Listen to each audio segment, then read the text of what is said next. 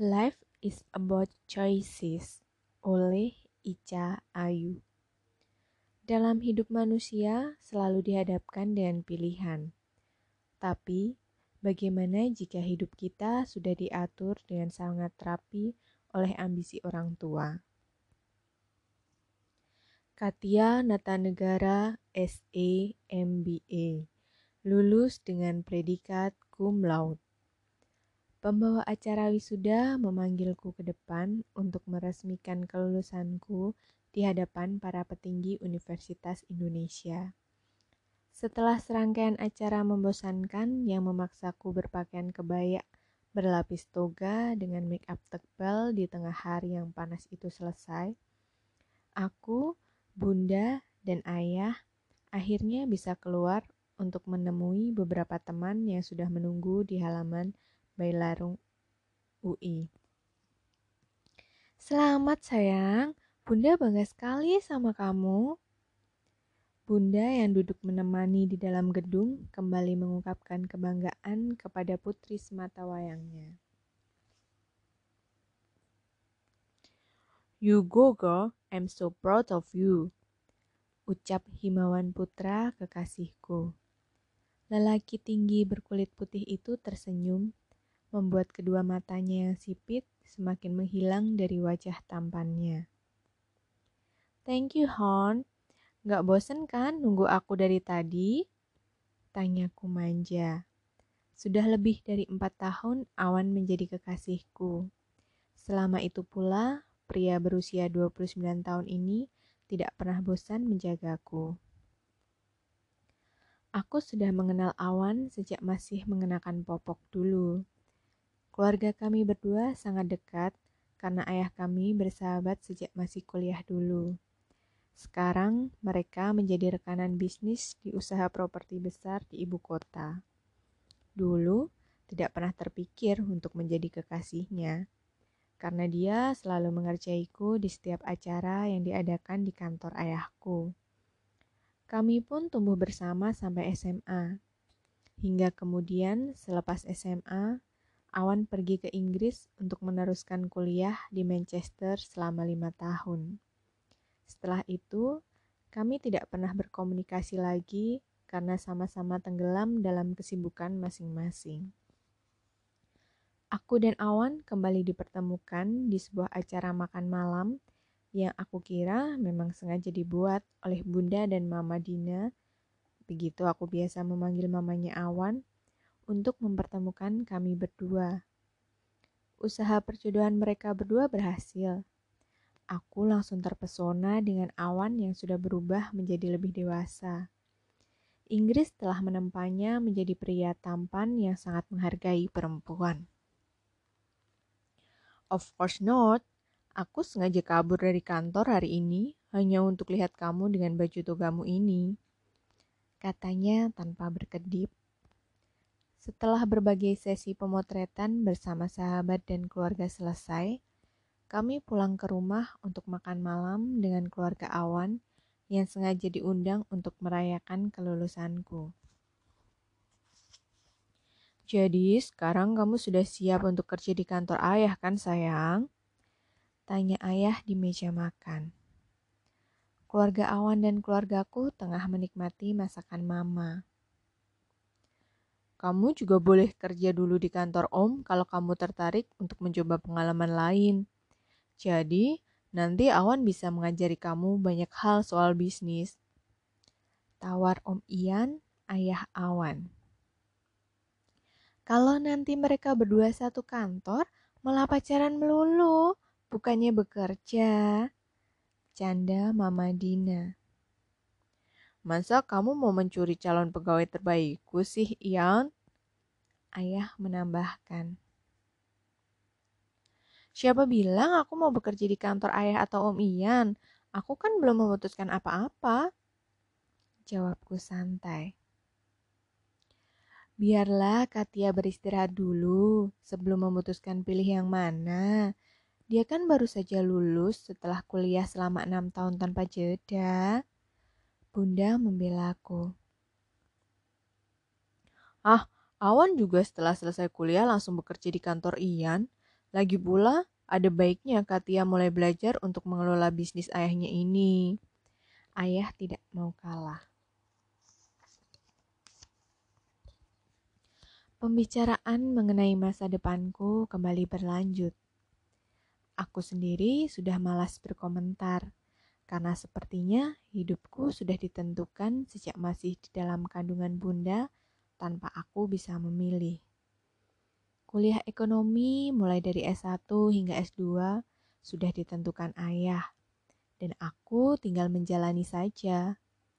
Menurut orang tuaku, inilah yang terbaik untukku karena kelak aku akan meneruskan bisnis besar ayah. Aku pernah bertengkar hebat dengan ayah ketika lulus SMA dulu, lantaran cita-citaku sebagai dokter anak harus hancur hanya karena ayah tidak setuju. Akhirnya, aku menyerah dan menyetujui keinginannya setelah ayah memboikot semua fasilitas yang biasa aku gunakan. Selama dua bulan, ayah tidak bicara denganku yang waktu itu masih kekeh mendaftar di fakultas kedokteran. Mobil Honda Jazz biru metalikku pun disita dan tidak ada lagi uang saku berlebih seperti biasanya. Hingga akhirnya, saat aku lulus ujian masuk fakultas kedokteran, ayah menolak untuk membayarnya dan malah mendaftarkan namaku di fakultas ekonomi seperti keinginannya. Aku pasrah. Aku menjalani kuliah dengan setengah hati, hingga akhirnya aku bertemu Awan. Pertemuan yang juga sudah direncanakan oleh ayah dan bunda. Awan tidak hanya membantuku menyelesaikan semua tugas kuliah dan memperbaiki semua nilaiku yang sempat hancur karena kemarahanku pada ayah. Tetapi Awan juga membuatku percaya bahwa apa yang ayah paksakan kepadaku memang yang terbaik untuk putrinya. Kebersamaanku dengan Awan kembali membuatku menjadi tuan putri di rumah setelah perang dingin yang cukup lama dengan ayah. Tante, Um, sebelum Katia memutuskan mau bekerja di mana setelah ini, saya ada sesuatu yang ingin saya tanyakan kepada Om dan Tante. Awan menyela pembicaraan seru kedua orang tua kami. Saya dan Katia sudah pacaran lebih dari tiga tahun. Dan itu adalah tiga tahun paling bahagia dalam hidup saya. Mendengar namaku disebut-sebut, aku yang sedang melamun pun jadi ikut memperhatikan. Saya ingin meminta persetujuan Om dan Tante untuk menikahi Katia. Ucapnya mantap, membuatku terkejut dan marah. Aku marah karena Awan, kekasihku sendiri tidak bertanya dulu kepadaku, tetapi justru langsung bertanya kepada ayah mengenai pernikahan. Rupanya aku memang tidak ada artinya bagi siapa pun. Rupanya aku memang tidak berhak menentukan jalan hidupku sendiri. Aku memang mencintai Awan, tapi menikah adalah sebuah keputusan besar. Awan seharusnya bertanya terlebih dahulu kepadaku sebelum meminta izin kepada kedua orang tuaku. Kedua orang tua kami tentu saja langsung berdiri dan mengucapkan selamat. Mereka berbahagia karena itulah tujuan awal mempertemukan kami. Agar kelak kami menikah dan melanjutkan aliansi bisnis yang telah mereka buat. Aku masih tertegun, duduk di tempatku tanpa bisa berkata-kata. Kemarahan berhasil membuatku menjadi bisu. Katia, Bunda senang banget. Akhirnya kamu akan menikah. Bunda memelukku yang masih terduduk diam. Siapa yang akan menikah? Katia belum jawab apa-apa kan? Jawabku sinis. Habis sudah kesabaranku. Katia capek, dari tadi belum sempat istirahat. Boleh langsung tidur ya bun? Aku pergi meninggalkan mereka berlima. Awan berkilah bahwa usianya sudah mendekati angka 30 membuatnya panik. Lagi pula, kami berdua saling mencintai. Jadi, apalagi yang harus ditunggu? Begitu pikirnya. Ah, Awan tidak mengerti bahwa aku hanya meminta dihargai. Ditanya secara pribadi dengan ritual romantis yang mungkin menurutnya sudah ketinggalan zaman. Setelah kejadian itu, ayah memarahiku habis-habisan. Menurutnya, aku sudah mempermalukannya karena bertingkah sangat tidak sopan di depan Om Ian dan Mama Dina dengan meninggalkan meja makan tanpa penjelasan apa pun setelah permintaan Awan tentang pernikahan. Hanya Bunda yang bisa mengerti dan menjadi penengah saat kemarahan ayah bertemu dengan sifatku yang keras kepala. Pergilah kamu liburan, sayang. Pikirkan dulu matang-matang soal pernikahan. Mungkin memang lebih baik kamu menyendiri, menyendiri dulu. Nasihat bunda kepadaku setelah seharian aku hanya mengurung diri di kamar. Aku berpikir matang pun percuma. Aku tidak punya pilihan, Bun. Jawabku skeptis. Kamu memang pasti akan dituntut untuk meneruskan usaha keluarga ini. Tapi jika kamu merasa ini belum saatnya, kamu bebas untuk pergi dan melakukan apa yang kamu mau, sayang. Lalu bagaimana dengan ayah? Nanti biar Bunda bantu jelaskan. Sekarang kejarlah impianmu sebelum akhirnya kamu memang harus pulang. Apakah impianku itu? Tanyaku pelan. Hanya kamu yang tahu jawaban dari pertanyaan tersebut.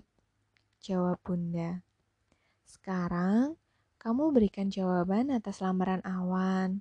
Kalau memang kamu belum siap untuk menikah, bunda yakin awan dan ayah pasti akan mengerti.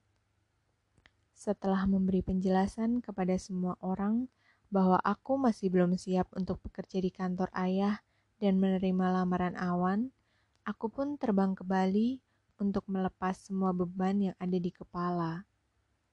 Awan sangat kecewa dengan keputusanku untuk menolak lamarannya. Tapi dia bisa mengerti bahwa aku memang belum siap menikah.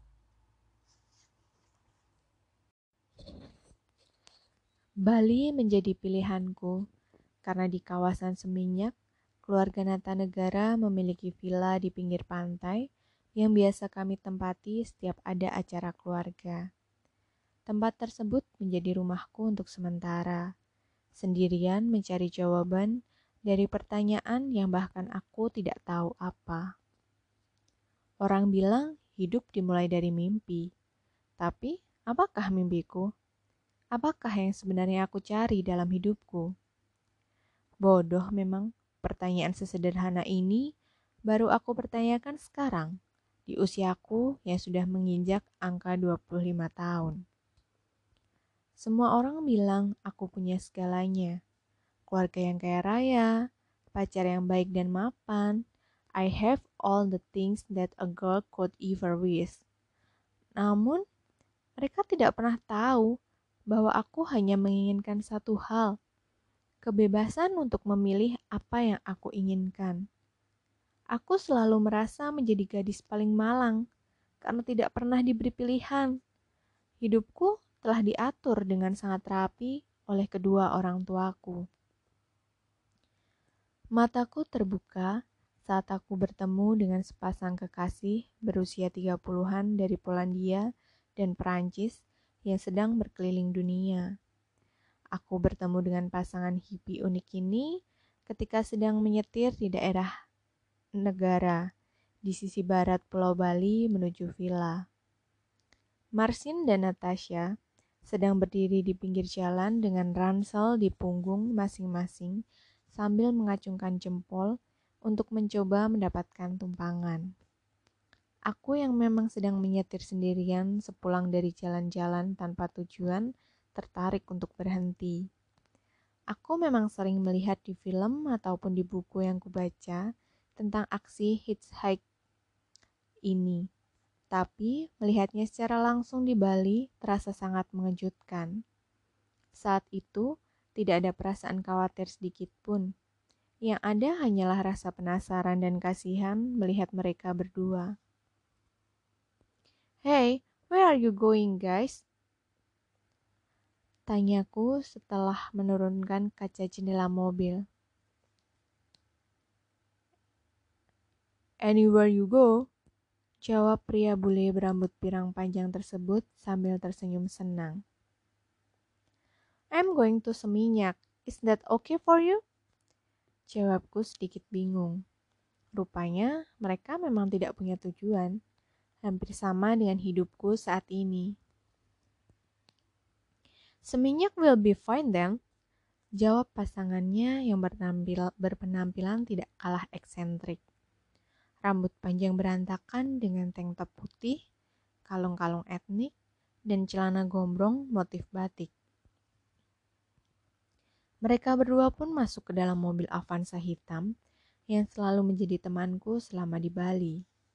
Sang pria, Marcin, duduk di depan bersamaku. Sedangkan pasangannya, Natasha, duduk di kursi belakang bersama dengan dua ransel mereka. Aksen mereka menunjukkan dengan jelas bahwa mereka berdua tidak datang dari negara berbahasa Inggris. Marcin yang ternyata sangat cerewet langsung memulai percakapan. So, aku Marcin dari Polandia, dan itu Natasha dari Prancis. Katanya memperkenalkan diri. Hai, I'm Katia. Nice to meet you, Katia. Kali ini Natasha yang menjawab dari kursi belakang. Susah sekali ya mencari tumpangan di sini. Kami menunggu lumayan lama sebelum kamu berhenti tadi, keluhnya. Di sini memang hitchhike bukan hal yang biasa, jadi wajar kalau kalian agak kesulitan. Aku mencoba menjelaskan kultur Indonesia yang memang belum terbiasa dengan aksi berani tersebut. What made you stop then? Tanya Marcin. Good question. I don't really know why. I'm driving home alone, so I ha have space. Thank you, Toh. Jadi, kamu dari Bali? Tanya Natasha lagi. Nope, I'm on holiday. Jawabku. Alone? Aku baru sebentar di Bali, tapi rasanya jarang bertemu orang Indonesia yang liburan sendirian di pulau eksotis Bali. Marsin tidak bisa menyembunyikan rasa penasarannya. Aku pun menjelaskan alasan keberadaanku di pulau ini. Entah apa yang membuatku bercerita panjang lebar kepada dua orang yang baru saja aku kenal. Tentang ayah dan semua ambisinya untukku, tentang awan dan lamaran pernikahannya, tentang semuanya. Sudah beberapa hari aku pergi dari satu tempat ke tempat lainnya di Bali tanpa tujuan dan tanpa teman. Aku memang datang untuk menyendiri, tapi rasanya bercerita kepada orang asing membuatku tenang. Karena mungkin mereka bisa mengerti. Pasangan ini mendengar ceritaku dengan seksama tanpa sedikit pun menyela atau menilai hingga Akhirnya aku selesai dengan kisahku. Being in a total control of others and having no choice are sucks. I could understand your feeling. Marcin mengomentari ceritaku yang telah menyentuh akhir. Ya, tapi kamu seharusnya selalu punya pilihan. That's your life.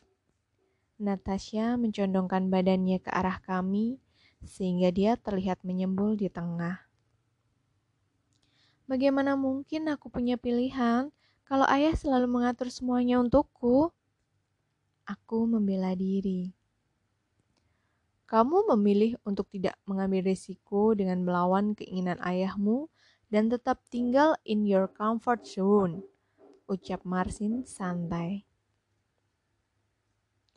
But this is not my comfort zone. It has never been. Jawabku bingung. Belum pernah ada yang mengusulkan kepadaku untuk melawan ayah mengambil resiko. Easy for them to say that. Mereka tidak berada di tempatku. How could they understand? empatku dalam hati sambil terus melaju. It is your comfort zone. Kamu tidak berani keluar dan melawan karena kamu takut.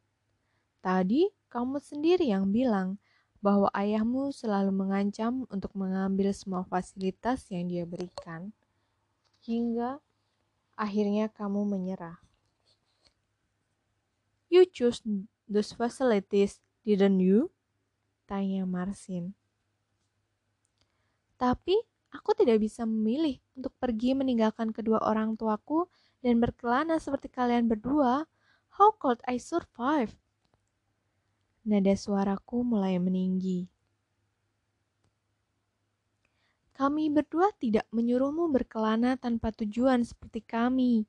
Mungkin hubungan antara anak dan orang tua di Indonesia juga jauh berbeda dengan di tempat kami. Tapi paling tidak, kalau kamu memilih untuk kuliah di jurusan yang ayahmu inginkan, seharusnya kamu sudah tahu resikonya kan? Natasha mencoba menenangkan suasana yang mulai sedikit menegang. Kalau memang kamu ingin keluar dari cengkraman ayahmu, seharusnya kamu buktikan kalau kamu bisa mandiri dan mendapatkan apa yang kamu inginkan tanpa bantuannya. Walaupun awalnya mungkin sulit, tapi aku yakin akhirnya ayahmu pasti akan sangat bangga. Sekarang kamu ingin tahu apa yang kamu ingin lakukan sekaligus menenangkan diri. Tapi, where are you now? Berlibur di villa miliknya dengan semua fasilitas yang juga dia berikan. Marsin menambahkan. Aku terkejut dengan penjelasan mereka berdua. Mereka memang tidak mengerti karena hanya melihat situasi dari semua ceritaku. Tapi mereka berdua menjawab ceritaku dengan kejujuran yang menyerangku. Aku yang selalu mengeluh karena tidak diberikan kebebasan untuk memilih, tapi tetap diam di tempat. Mereka berdua benar. I could have choose, but I didn't, because I'm too afraid of taking taking risks. Ya, tentu saja karena aku sudah merasa nyaman dengan semua fasilitas ini. Obrolan ini membuat perjalanan menjadi tidak terasa lama. Dan ternyata mobilku sudah sampai di jalan seminyak yang tidak pernah sepi dari turis. So guys, here is minyak. My villa is over there. Kalian mau ke mana sekarang? Tanyaku. Just drop us here and we, we will be fine, jawab Marcin. Thank you again for the ride. Natasha menambahkan. Mereka berdua bersiap turun dari mobil, mengambil ransel mereka, dan akhirnya menjabat tanganku erat sambil berkata, Always remember that you always have a full control of yourself for everything, but you only have to learn to take risks and bertanggung jawab atas pilihan yang kamu ambil. Nasihat Marcin. Good luck girl, kata Natasha. Kamu tidak akan membuat orang-orang di sekelilingmu bahagia kalau kamu tidak merasa nyaman dengan hidupmu sendiri. Jadi, bukan egois namanya kalau kamu memilih jalan hidup yang kamu inginkan. Tambahnya sebelum menutup pintu mobil dan meninggalkanku. Aku pun kembali melajukan mobil di tengah kepadatan seminyak sambil memikirkan pertemuanku yang singkat dengan Marsin dan Natasha. Entah ke mana mereka berdua akan pergi. Yang pasti, mereka telah meninggalkan kesan yang sangat dalam bagiku. Aku pun tersadar bahwa selama ini Aku memang hanya bisa mengeluh tentang hidupku tanpa pernah berusaha membuatnya menjadi lebih baik. Ketakutanku akan kehilangan semua fasilitas yang selama ini kumiliki membuatku malas mengambil risiko untuk menjadi diriku sendiri. Setibanya di villa, aku langsung mengetik pesan singkat untuk ayah. Berharap dia akan mengerti bahwa kini anaknya menginginkan kebebasan. Katia pulang besok pagi ayah, pengen ngobrol. Katia.